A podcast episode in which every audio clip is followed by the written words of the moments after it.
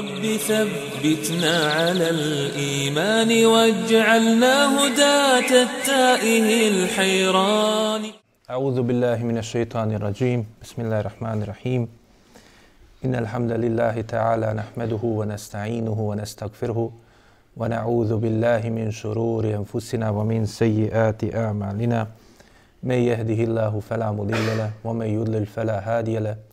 واشهد ان لا اله الا الله وحده لا شريك له واشهد ان محمدا عبده ورسوله ارسله الله تبارك وتعالى بالهدى ودين الحق ليظهره على الدين كله وكفى بالله شهيدا ثم اما بعد Svaka zahvala pripada Allahu subhanahu wa ta'ala.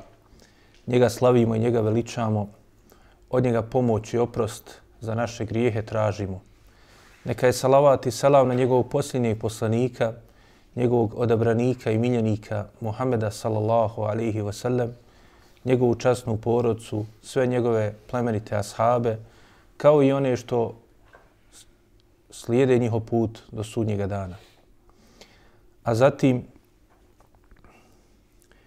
nastavljamo govor o događajima druge godine po Hidžri. Nalazimo se u mjesecu Ređepu druge godine po Hidžri.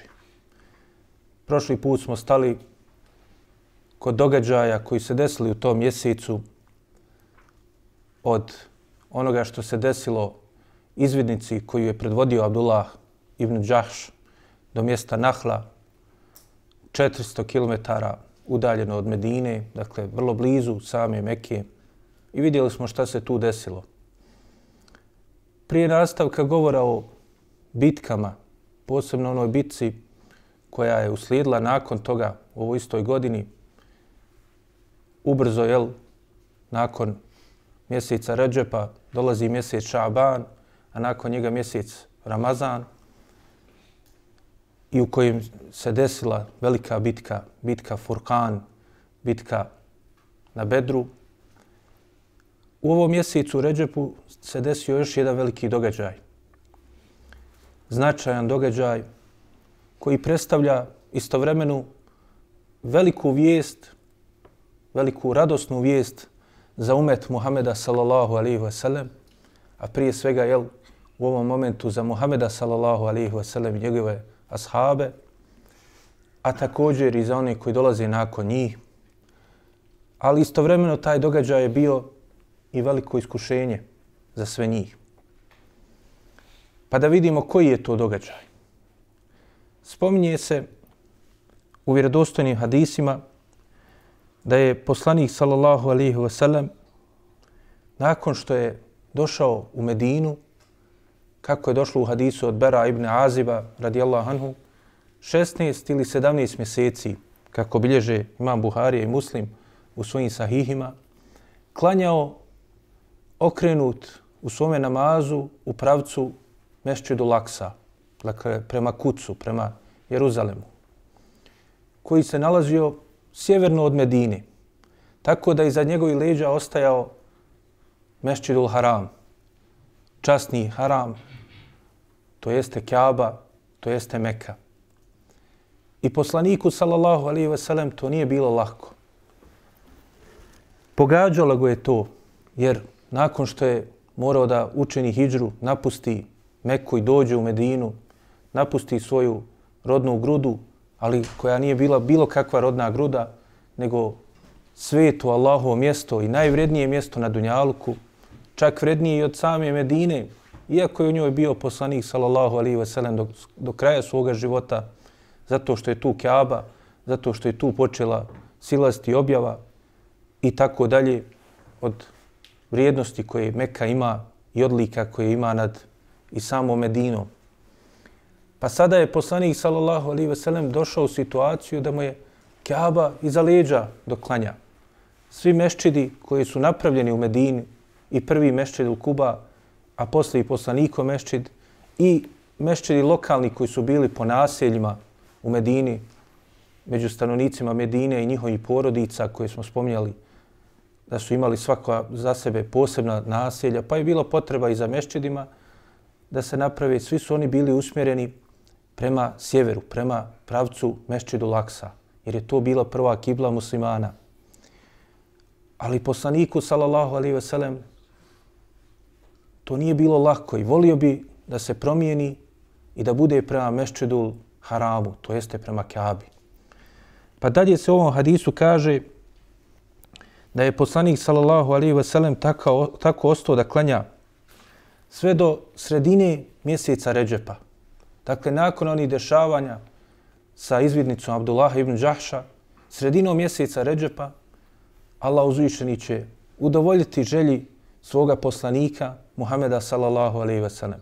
A vidjet ćemo, mnogi mnogo mudrost se kriju u tome. Nije to samo udovoljavanje želji Allahov poslanika, ali pokazuje jel, i brigu Allaha uzvišenog o njegovom poslaniku, njegovom odabraniku i miljeniku Muhammedu sallallahu alaihi wasallam.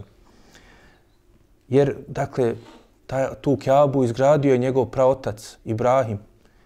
I ta Kaaba, ona je i na Dunjaluku bila prije nego što je sagrađena, kako se spominje u vjerodostani predanja, na 40 godina prije Mešćidu Lakse. Dakle, ono prvo osnovno izgradnja. Pa je posle, kako smo spominjali, na početku naših druženja uz siru Allahu poslanika sallallahu alejhi ve sellem, onda je Ibrahim alaihi selam Allah uzvišeni ga je poslao da ostavi svoju suprugu Hadžeru i sina Ismaila i da tu posle nakon što su oni jel nakon što je Allah dao izvor Zemzem, nakon što su oni tu uspostavili život, došao Ibrahim alejhi selam pa sa svojim sinom Ismailom obnovio Kaabu. Dakle ona je bila već prije toga vremena, spominje se jel da je uništena i dakle nestala u potopu Nuhovog naroda. Pa dakle, Allahov poslanik sallallahu alaihi ve sellem s pravom je želio da kibla bude okrenuta prema Kabi. Spominje se da je poslanik sallallahu alaihi ve sellem u drugom jednom hadisu također kod Buharije govorio da je volio da se okreće prema kibli zato što je to kuća koju je sagradio njegov praotac Ibrahim alejhi salam. Također u hadisu kod imama Ahmeda se spominje da je poslanik sallallahu alejhi ve sellem dok je imao dok je bio u Mekki imao rešenje. dakle volio da klanja prema Kabi i u Mekki je to mogao da ostvari. U hadisu kod imama Ahmeda u njegovom usnedu spominje se da bi poslanik sallallahu alejhi ve sellem kada bi obavljao namaz, onda bi dakle stao okrenut prema kibli tako da se ona nađe, to jeste da se nađe e, dakle Kaaba između Mešćidu Lakse i poslanika sallallahu alaihi veselem. Pošto dakle, je, dakle, Meka južnije od Medine, onda je to mogao. Dakle, okrene se prema Kaabi i to u pravcu sjevera. Dakle, u pravcu gdje se nalazi iza tamo, dakle, u daljini, dakle, kilometrima i stotinama kilometara udaljeno Mešćidu Laksa. Tako da je klanjao prema oba dvije kible. Klanjao i prema Mešćidu E, prema, klanjao je prema Kaabi i klanjao je prema Mešćidu Laksa. Ali kada je došao u Medinu, to više nije mogao. Zato što, kao što je došlo dalje u ovom hadisu, zato što, jel, dakle, kada bi se okrenuo prema mešćidu Laksa, sada bi opet bio okrenut prema sjeveru, ali bi, pošto je Medina 400 i nešto kilometara sjevernije od Mekke, onda bi ostala Mekka iza njega, pa tako i Kaaba. Ostao bi, jel, Kaaba bi ostala iza leđa Allahov poslanika i svi ostali muslimana. I zbog toga spominje se jel, da je poslanik sallallahu alaihi wasallam nadao se i očekivao, a vidimo 16 ili 17 mjeseci kako je došlo u ovom hadisu kod Buhari i muslima, ostalo je da se klanja i dalje prema mešćedulu Aksa. A vidjet ćemo velike mudrosti u tome. Zašto je to bilo baš tako? Zašto nije odmah promijenuta? Dakle, kažu učenjaci, zašto 16 ili 17 mjeseci? To je ovisno od računanja mjeseca u kojem se do, do, desilo promjena. Da li ga računaju kao mjesec ili ne. Dakle, u smislu poslanik sallallahu alejhi ve sellem je u Rabiul Levalu, kao smo rekli, došao u Medinu i nastanio se, pa dakle, do tog momenta je prošlo 16 ili 17 mjeseci, računajući ovaj mjesec Ređep. E, dakle, Allah uzvišen je udovoljio želji svoga poslanika i dao mu je promjenu kibli. I Allah uzvišen je nas o tome i obavještava. Pa kaže Allah uzvišeni u Kur'anu kad nerate kallube veđhike fi sama. Vidimo, kaže, kako svojim licem se usmjerio prema nebesima. Iščekuješ odgovor. Ovdje Allah uzvišeni kaže veđhuke. Nije rekao nije rekao dakle svoj pogled, nego je rekao lice, što je još veće značenje. Dakle, licem je gledao Allaho poslanik sallallahu alaihi wa prema nebesima očekujući da Allah uzvišeni udovolji toj njegovoj želji. Pa dalje Allah uzvišeni kaže u tom ajetu u suri Al-Bekare فَلَنُوَلِّيَنَّكَ كِبْلَةً تَرْدَاهَا Pa kaže da ćemo ti da se okrećeš kibli koju voliš, koja ti je draža. فَوَلِّي وَجْهَكَ شَطْرَ الْمَسْجِدِ الْحَرَامِ I kaže okreni, ovdje se kaže ponovo veđ, to jest lice, ali ovdje kažu učenjaci mu fesiri, dakle ne misli se, kako kaže Šej Sadi i drugi mu fesiri, ne misli se samo na lice, nego svoju prednju stranu okreni u pravcu, u pravcu, dakle, Kjabe, u, u pravcu Mesčidul Harama, dakle, časnog hrama, to jeste Kjabe. وَحَيْثُ مَا كُنْتُمْ فَوَلُّ وُجُوهَكُمْ شَتْرَ I kaže, gdje god bili, okrenite se u njegovom pravcu. Što je istoga jedan od propisa, dakle, da nije potrebno, posebno ljudi kada se nalazi na velikim daljinama kao što smo mi, da mora u, dakle, samu tačku gdje se nalazi Kaaba da se okreni.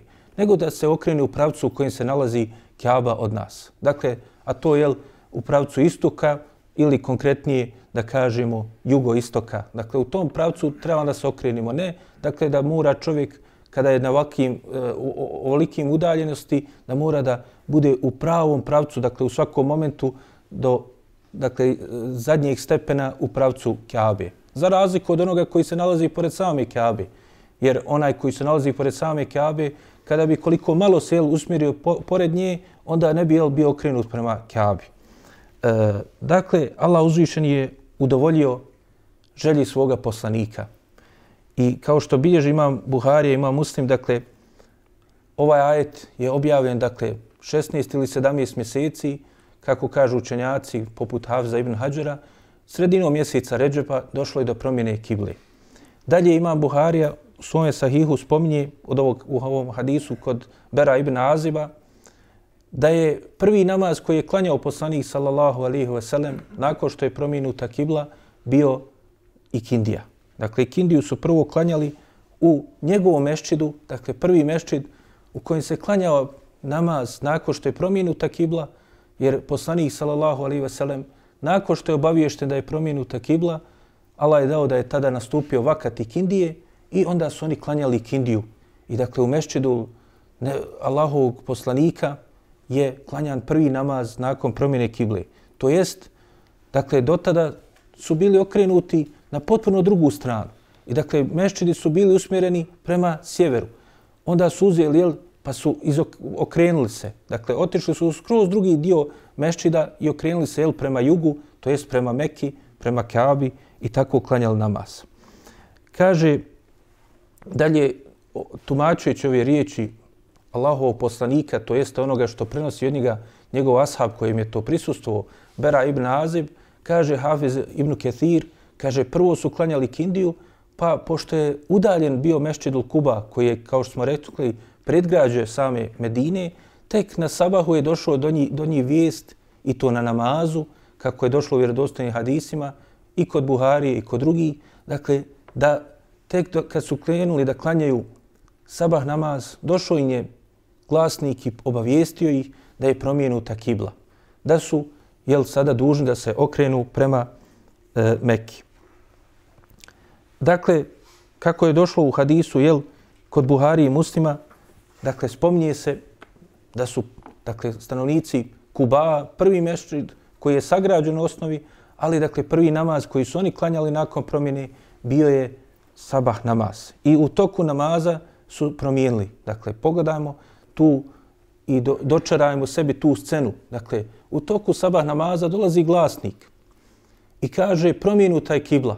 Sad se trebate okrenuti prema Kaabi, prema Mekki. A oni se nalaze u potpuno suprotnom, dakle, i dijelu meščida i na potpuno suprotnoj strani.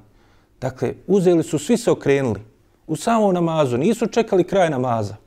Okrenuli se i, dakle, ono što je dotada bili zadnji safovi, otišli su na drugu stranu, a oni koji su bili prvi otišli su na ovu vamo stranu, dakle južnu, i okrenuli se i tako nastavili i upotpunili svoj sabah namaz. Također, u hadisu kod imama Buharije spominje se opet od Bera ibn Aziba da je on kada je, odnosno jedan čovjek od kojeg on prenosi, dakle jedan od ashaba kojeg nije imenovao, nakon što je klanjao sa poslanikom, sallallahu alaihi ve sellem, vratio se u svoje mjesto. Dakle, u svoje nasilju odakle došao da klanja sa poslanikom, sallallahu alaihi ve sellem. I oni su također bili, dakle, na namazu na ikindi. Dakle, još nisu bili završili namaz.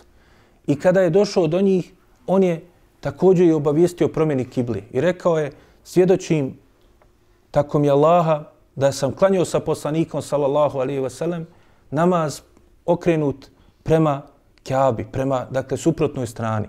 I okrenite se i vi u svojim namazima. Promijenu taj kibla. I oni su odmah to uradili. Nisu ni, ni oni također čekali da se završi namaz. Nego su odmah se okrenuli i također jel, na takav način upotpunili svoj namaz. Iz ovoga vidimo jel, njihovu pokornost Allahovom poslaniku sallallahu alaihi wasallam. Čim je došla im vijest od njega, čim im je neko posvjedočio, odmah su se odazvali toj naredbi i odas, odmah su se pokorili Allahovom poslaniku sallallahu alaihi wasallam. Došao je samo jedan čovjek, ali je to bilo dovoljno. Nisu ispitivali kako, zašto, hoćemo završiti namaz, pa ćemo poslije, ne nego odmah pokornost. Odmah se pokoravaju Allahovom poslaniku, i na taj način potvrđuju svoju privrženost prema njemu, svoju istinsku ljubav prema njemu, a ne nekim raznim jel, mudrovanjima, kao što ćemo često to vidjeti kada dođe u pitanje sunet Allahov poslanika sallallahu alaihi wasallam i njegova praksa. Dakle, kao što kaže također Hafiz ibn Kesir, iz ovoga vidimo, kaže, pokornost, potpunu pokornost ovih ashaba Allahovom poslaniku sallallahu alaihi wasallam, jer su odmah se pokorili i nisu čekali nijednog momenta da je Allah sa svima njima bude zadovoljan ovim častnim i plemenitim ashabima. Dakle, spominje se da je ovaj mešćid u koji je došao ovaj čovjek, pošto je, vidimo to nije mešćid u Kuba, to je neki treći mešćid, da je to mešćid koji je bio u naselju plemena Beni Salime. I taj mešćid i danas dan je poznat kao mešćid Kibletin, kao mešćid dvije kible, zato što su jel, u jednom namazu klanjali i prema, dakle, e, mešćidu Laksa, pa su u toku namaza odma promijenili na mešćid, dakle, e, haram, to jest prema kjabi da u potpuni namaz. No međutim, taj namaz, odnosno taj mešćid, nima nikakav, dakle, posebnu svoju, nikakvu vrijednost, zato što vidimo iz ovoga redoslijeda koji smo spomenuli, da je prvi mešćed u kojem je promijenuta kibla bio mešćed nebavi. Dakle, i nije spomenuta posebna vrijednost za to što je promijenut, dakle, e, u tom mešćidu, dakle, promijenuta kibla, nego ima one vrijednosti koje su spomenute, je tako, za mešćed poslanikov. A ovaj mešćid također nije došlo ništa da ima njekova neka posebnost. Kao što vidimo i da je ista stvar se desila sljedećeg dana na sabah namazu u Mešćidul Kuba, pa koji je također jel, spada onda u kategoriju Mešćida kibletin, to jeste Mešćida u kojem se jedan namaz, dakle jedan te isti namaz u istom namazu počelo se klanjajući prema mešćedu Laksa, a završio se namaz klanjajući se prema Kabi. Dakle, nema neke posebnosti, iako je tako nazvan, dakle, to je osnovi mešćid koji danas dan jel, postoji, ali dakle nema nikakve vrijednosti da se posjećuje ili da se nešto posebno vrednuje namaz i obilazak tog mešćita.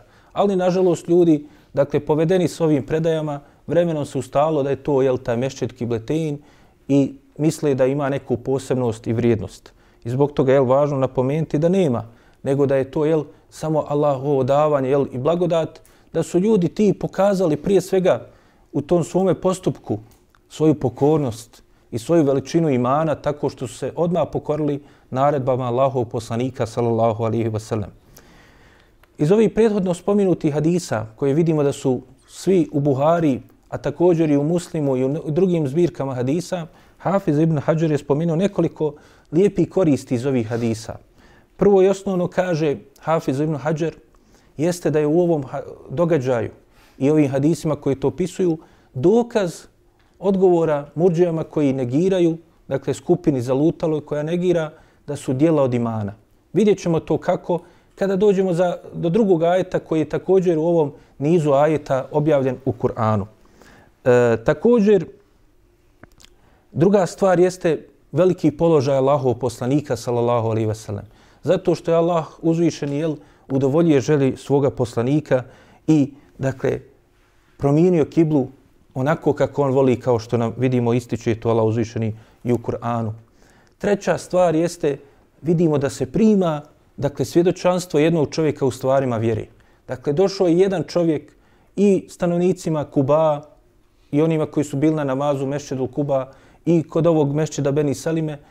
I dakle, jedan čovjek je samo obavijestio promjeni kible i oni su odmah to poslušali. Nisu tražili dodatne dokaze, nisu tražili druga svjedočanstva, nego, dakle, svjedočanstvo jednog čovjeka u stvarima vjere se prihvaća. Dakle, ovdje vidimo kod stvari propisa, pa ćemo naći neki koji su kasnije napravili razliku i rekli u stvarima, dakle, propisa, dakle, fika, tu može se prihvati. Ali u stvarima akide tu ne može. Zato što je to puno veća stvar, zato što su to objeđenja koja moraju svi da posjeduju, pa dakle tu ne smije biti nikakve sumnje. A ako je jedan čovjek, onda ima sumnje. Ali naćemo da je poslanik, sallallahu alaihi ve sellem, kao svoje zaslanike, vladarima, najvažnijim ljudima tog vremena, ili kada je poslao Muaza i Ebu Musa Alešarija, dakle to su bili pojedinci da dostave čitavu vjeru. Dakle, s jedne strane vladarima da dostave vjeru samo po jedan izaslanik, čitavim narodima poput stanovnika Jemena da dostave samo dvojica ljudi, dakle ukazuje dakle, da i tu normalno se podrazumijeva i kao što je vidljivo iz hadisa Muaza, kada, mu je posla, kada ga je poslao poslanik sallallahu alaihi sellem, rekao je da prvo što će i podučiti bude pitanje vjeri. Dakle, to jeste vjerovanja, to jeste tevhida, to jeste akide. Dakle, tu je onda vidimo do, jasan dokaz i dovoljan dokaz onome ko prihvata dokaz da se svjedočanstvo jednog čovjeka u pitanjima vjeri prihvata, pa tako je li hadisi, onda zašto ovo važno pitanje zbog hadisa koje nam prenosi samo jedan ashab da je poslanik sallallahu alaihi wasallam nešto rekao. A dosta je takvih hadisa i u pitanjima akide i u pitanjima fika. I oni se moraju tretirati isto kao i oni hadisi koji prenosi mnoštvo ashaba, dakle koji su došli mutevatir predajama. Četvrta stvar jeste da iako je došlo ovde do dakle, e, derogacije propisa, dakle, ovi koji su obavljali namaz nisu ga morali ponoviti. Nakon što im je došla obavijest, dakle, oni su samo upotpunili namaz. Za ono što je prijethodno bilo, također je i taj namaz primljen. Dakle, iz ovog jel, vidimo kako se postupalo u takim situacijama kada su došli derogirajući jel, e, dakle, ajeti koji su e, derogirani drugim ajetima, pa onda su jel, derogirani propisi koji su bili u njima. Peta stvar koju spominje Ibn Hajar jeste isto jedna lijepa dakle, korist iz ovog hadisa i ovih događaja, a to je da je dozvoljeno čovjeku kada vidi nekoga da pogrešno nešto radi u namazu, da ga upozori. Iako je ovaj u namazu, radi jel koristi njegovu namaza, da ga upozori da bi ga podučio nešto ako pogrešno radi. Prije radi kao ovo pitanje, ako vidimo nekog da nije se okrenuo prema kibli, ako vidimo nekoga da nešto drugo je li uradio što ne bi trebao da radi u namazu, da ga upozorimo. A šesta stvar jeste onda sa druge strane da onaj koji se nalazi u namazu, dakle ne utiče na ispravnost njegovog namaza i njegovu potpunost, njegovu skrušenost, to što ako čuje nešto tako, dakle posluša, dakle prvo posluša šta mu ovaj govori, dakle nastavljajući da namaz obavlja bez priče sa ovim, dakle tom osobom, nego izvršavajući ovo što mu ovaj savjetuje, dakle koji se nalazi van namaza i savjetuje ga. Dakle, to ne poništava namaz. Sada dolazimo do ovog pitanja zašto je ovo toliko veliki događaj i zašto je to toliko važno i kakva je bila dakle, reakcija na ovaj događaj. Dakle, za sahabe, za poslanika, sallallahu alaihi ve sellem, radosna vijest. Za sahabe, radosna vijest. Nikakav nisu imali problem. Dakle, to i nije ništa bilo teško. Kaže im se, okrenite prema sjeveru, okreću se prema sjeveru. Okrenite se prema jugu, okrenut se prema jugu. Kaže im se, idite ovim putem, iće tim putem. Nemojte ići tim putem, neće ići. Zato što Allahov poslanik, sallallahu alaihi ve sellem, ih predvodi, upućuje na, na nešto najbolje. Govori po objavi, ne govori po hiru svome. Ali oni oko njih, od onih koji su bili već počeli da se iz, kod njih prepoznaje munafikluk, oni koji nisu na ispravan način prihvatili vjeru, oni koji nisu u osnovi primili vjeru, za njih je ovo bio veliki ispit. Dakle, ashabi su potvrdili se na ovom ispitu, prihvatili su naredbu Allaha uzvišenog i izvršili ono što se od njih traži. Ali drugi su se drugačije postavili. Pa kaže, kada je došla vijest do mušrika Mekke, da je promijenjena kibla i da se poslanik, sallallahu alaihi ve sellem, počeo da okreće prema Mekki, to jest prema njima, rekli su, počeo je, vratio se da se okreće prema Mekki, kaže, možda će se i vratiti i na našu vjeru. Dakle, oni su se ponadali da je ovo mogla biti radosna vijest za njih, da ako se vraća jel, i okreće prema nama, dakle prema Kjabi, usmjerava se prema Kjabi u svojim molitvama, onda će se vjerovatno vratiti u našu vjeru. Dakle, da je tu nagovještaj dobra za njih. S druge strane, jevreji su, kada su to vidjeli, dakle, to je pogodilo. Na početku, kada su upoznali Allahov poslanika, sallallahu alaihi ve sellem, oni jevreji koji su živjeli u Medini, ra radosni su bili zato što se okreće prema kibli koju se i oni okreću, a to je, jel, Mešćedul Aksa, to jeste kuc, Jeruzalem. Ali kada su vidjeli sada da se okreće prema Meki, to je pogodilo i s jedne strane je obradovalo zato što su vidjeli u tome mogućnost da onda napadnu Allahov poslanika sallallahu alihi wasallam. Pa kaže se da su onda govorili, kaže, ako je dakle, Allahov poslanik prestao da se okreće prema kibli vjerovjesnika prethodnih, dakle, kojima su okrećali i Musa, i Isa, i oni vjerovjesnici koji su bili prije, kaže, sada je došao sa nečim što nisu radili i okrenuo se od njih. Pa dakle, nije on nikakav vjerovjesnik. Ovo je dokaz i potvrda onoga na čemu smo mi, što ga ne prihvatamo vjerovjesnikom, jer evo, prestao se i okrećati prema kibli vjerovjesnika. Također vidjet ćemo poslije još jedan razlog koji će nakon što jel, pobije Allah uzvišenje te njihove sumnje, šta će se onda kod njih druga stvar javiti. Ali prije toga također grupa onih koji su bili od Arapa, koji su, dakle, u početku još uvijek nisu primili islam i koji su već počeli da se formiraju kao grupa koja će biti poznata kao munafici, oni su isto ovo iskoristili da bi napali Allahov poslanika sallallahu alaihi wasallam. Pa su govorili, kaže, ako je prije toga, dakle, ono što je radio, dakle, od okretanja prema e, prvoj kibli, dakle, to jest mešću laksa, ako je to bilo, kaže, istina, sad je ostavio. Znači, sada je na zabludi. A kaže, ako je s druge strane, dakle, istina, ovo drugo okretanje, dakle, to jest da je istina da se treba okretati prema Kjabi, onda prije toga je bio na zabludi. Dakle, hoće da kažu, kako god pogledamo, on potvrđuje s ovim postupkom da je na zlu, da je na zabludi, da je na batilu. Zato što od početka se nije okretao prema Kjabi, znači prije toga kad se okretao prema Mešćidu Laksa, bio je na batilu.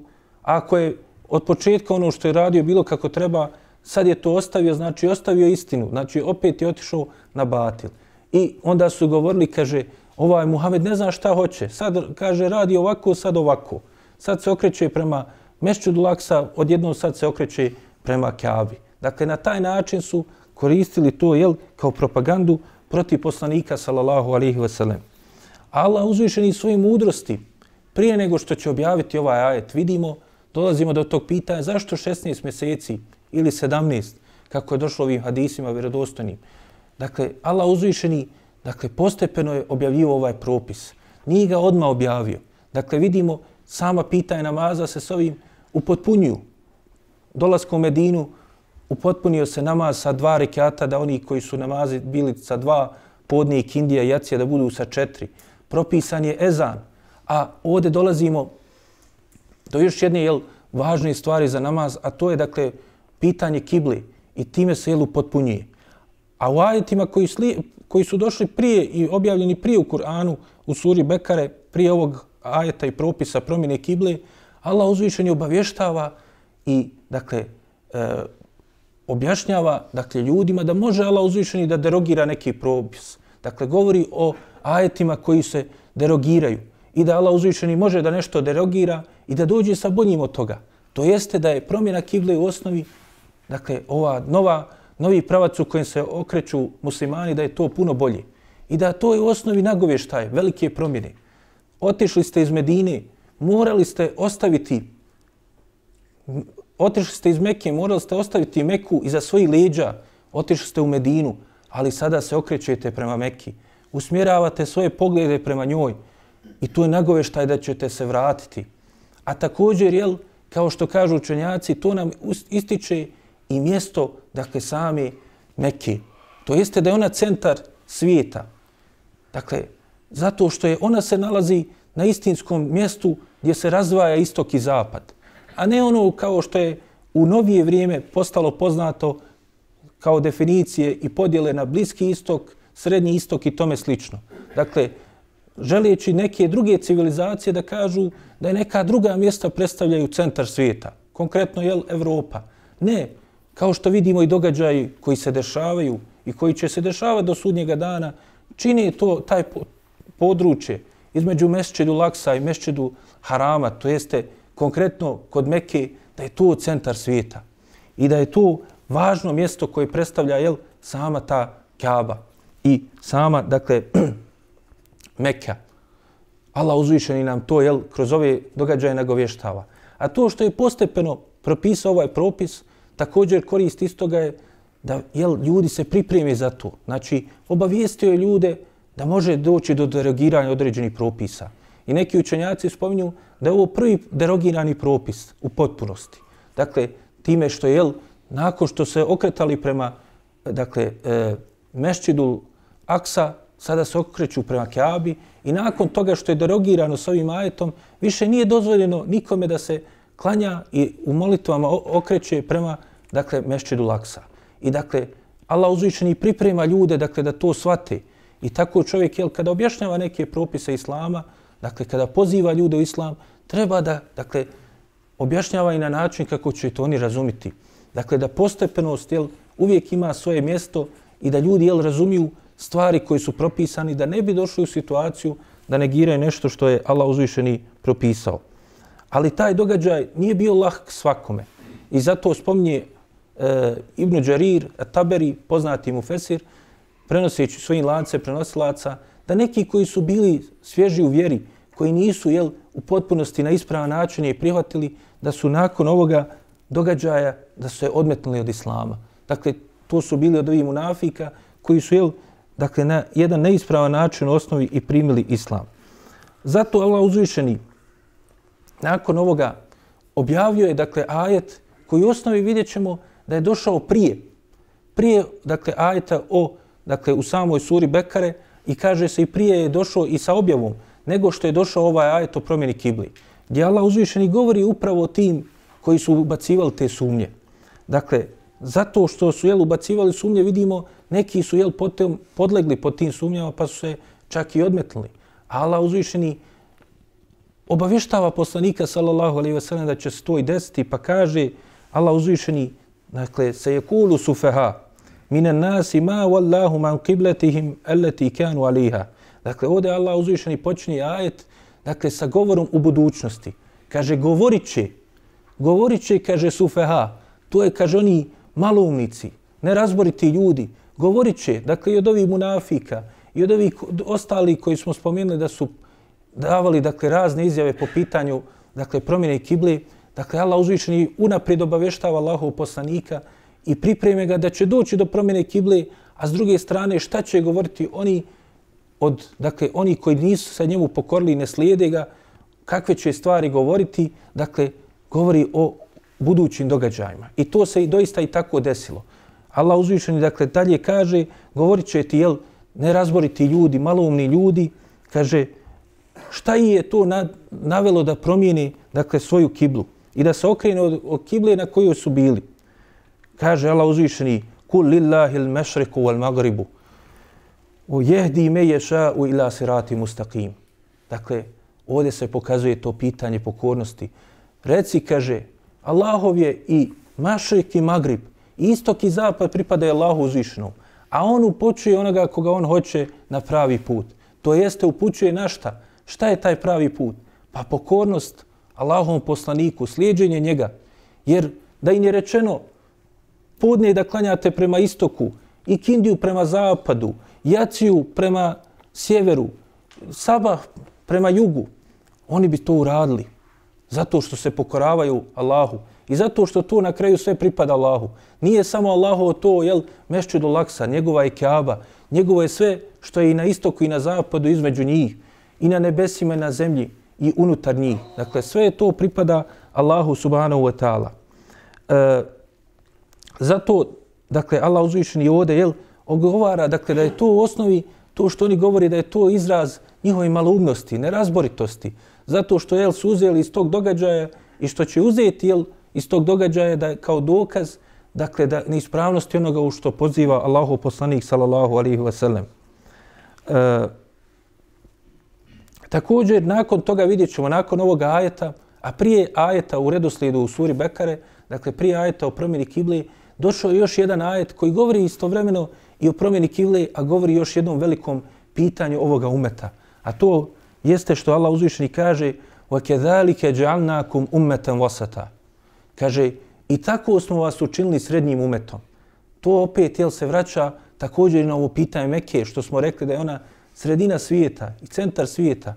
A također i govori o ljepoti ove vjere. Dakle, tako smo učinili vas srednjim umjetom, pravednim, pravednom zajednicom. Kako? Pa time što slijedite propise Allahove, time što dakle, praktikujete islam, time ste postali dakle, ta srednja zajednica. Ne time što ćete uzimati nešto od propisa, prilagođavati nekim vremenima, ne zato što ćete slijediti i pokoravati se Allahom poslaniku Muhammedu sallallahu alihi wasallam. Pa kaže se dalje da Allah uzvišeni kaže dalje, jel, kaže li te kunu šuhedaje ale nas i onda ćete kao vi biti svjedoci protiv ljudi.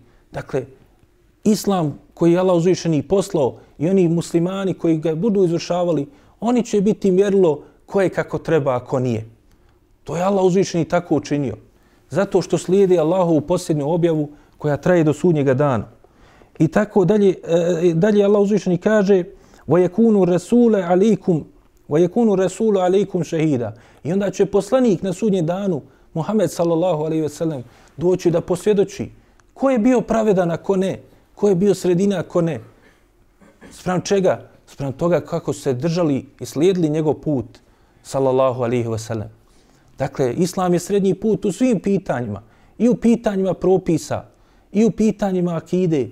Dakle, umjereni put koji se zasniva na onome na čemu je došao Allahu poslanik sallallahu alaihi ve sellem i sa čime je on poslan od objave.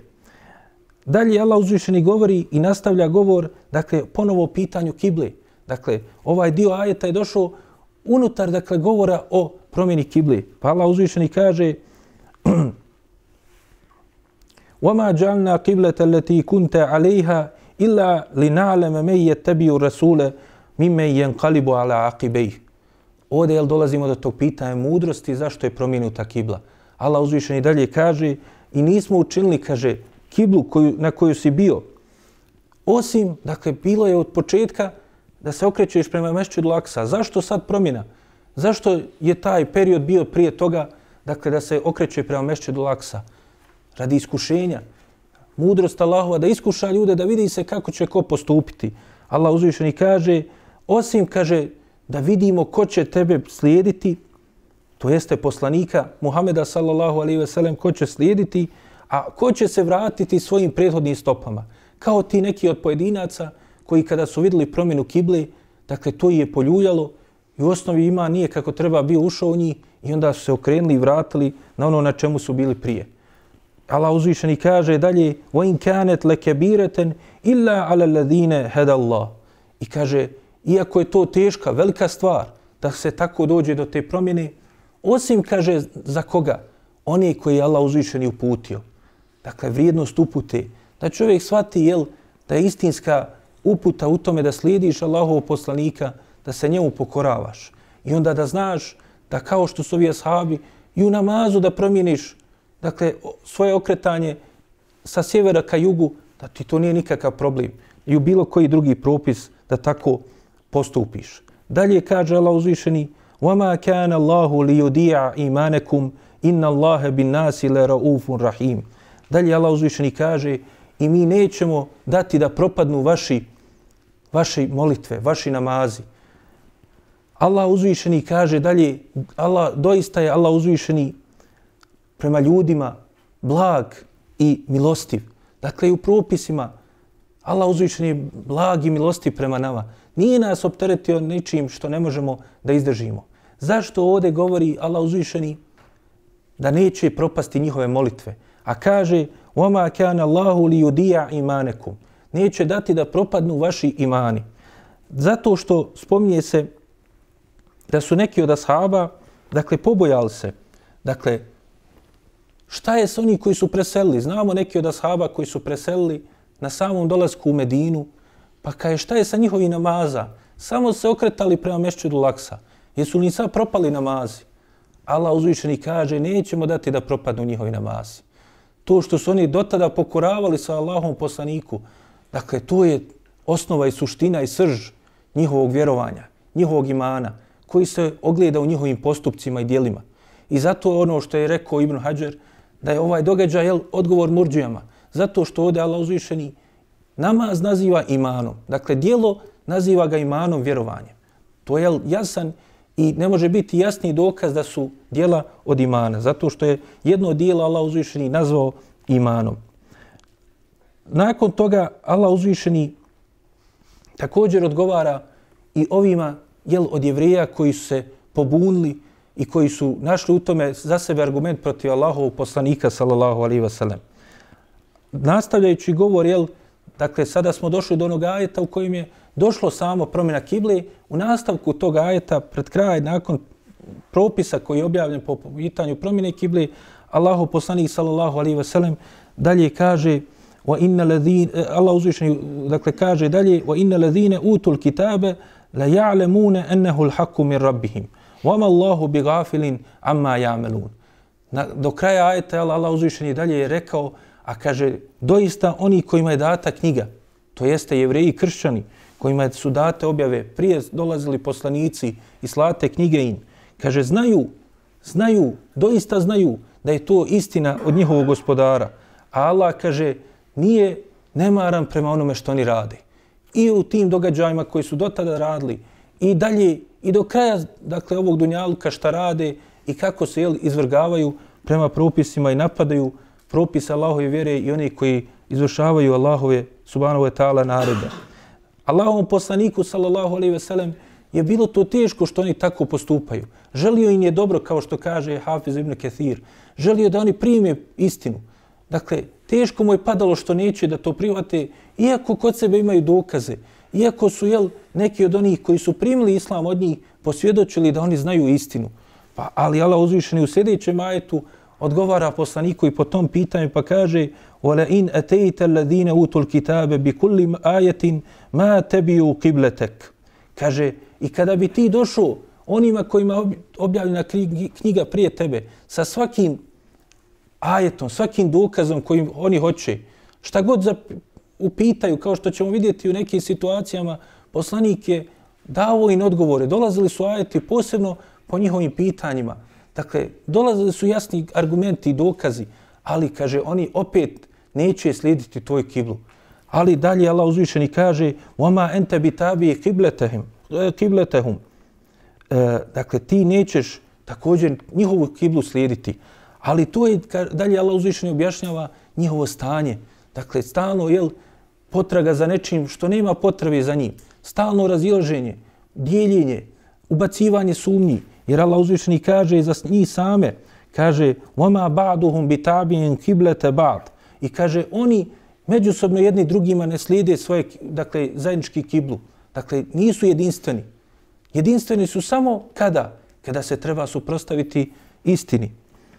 Allah uzvišeni kaže وَلَا إِنِ تَبَعَتَ أَهْوَاءَهُمْ min ba'di ma ja'aka e, min al-ilmi innaka idhan la min al-zalimin.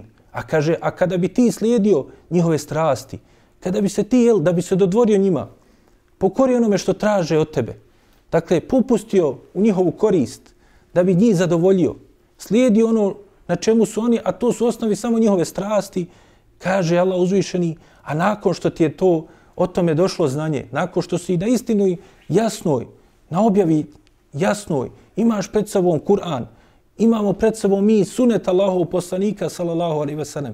Imamo i život njegov koji nas svjedoči kako su postupali i onda nakon svega toga hoćemo da odustanemo od naše vjere samo da bi zadovoljili one koji u osnovi ne žele nam nikako dobro, nego ne želi ni sebi dobro zato što slijedi u osnovi samo svoje strasti. Allah uzvišeni dalje kaže poslaniku sallallahu alejhi ve sellem, a mi smo puno preći onda od toga inneke idan la min zalimin. Onda si ti doista od zalima, zulumčara, najveći zulumčara zato što tako postupaš, odustaješ od svoje vjere. Allah uzvišeni dalje kaže Eledine atejnahumul kitabe jarifunehu kema jarifune ebenaahum.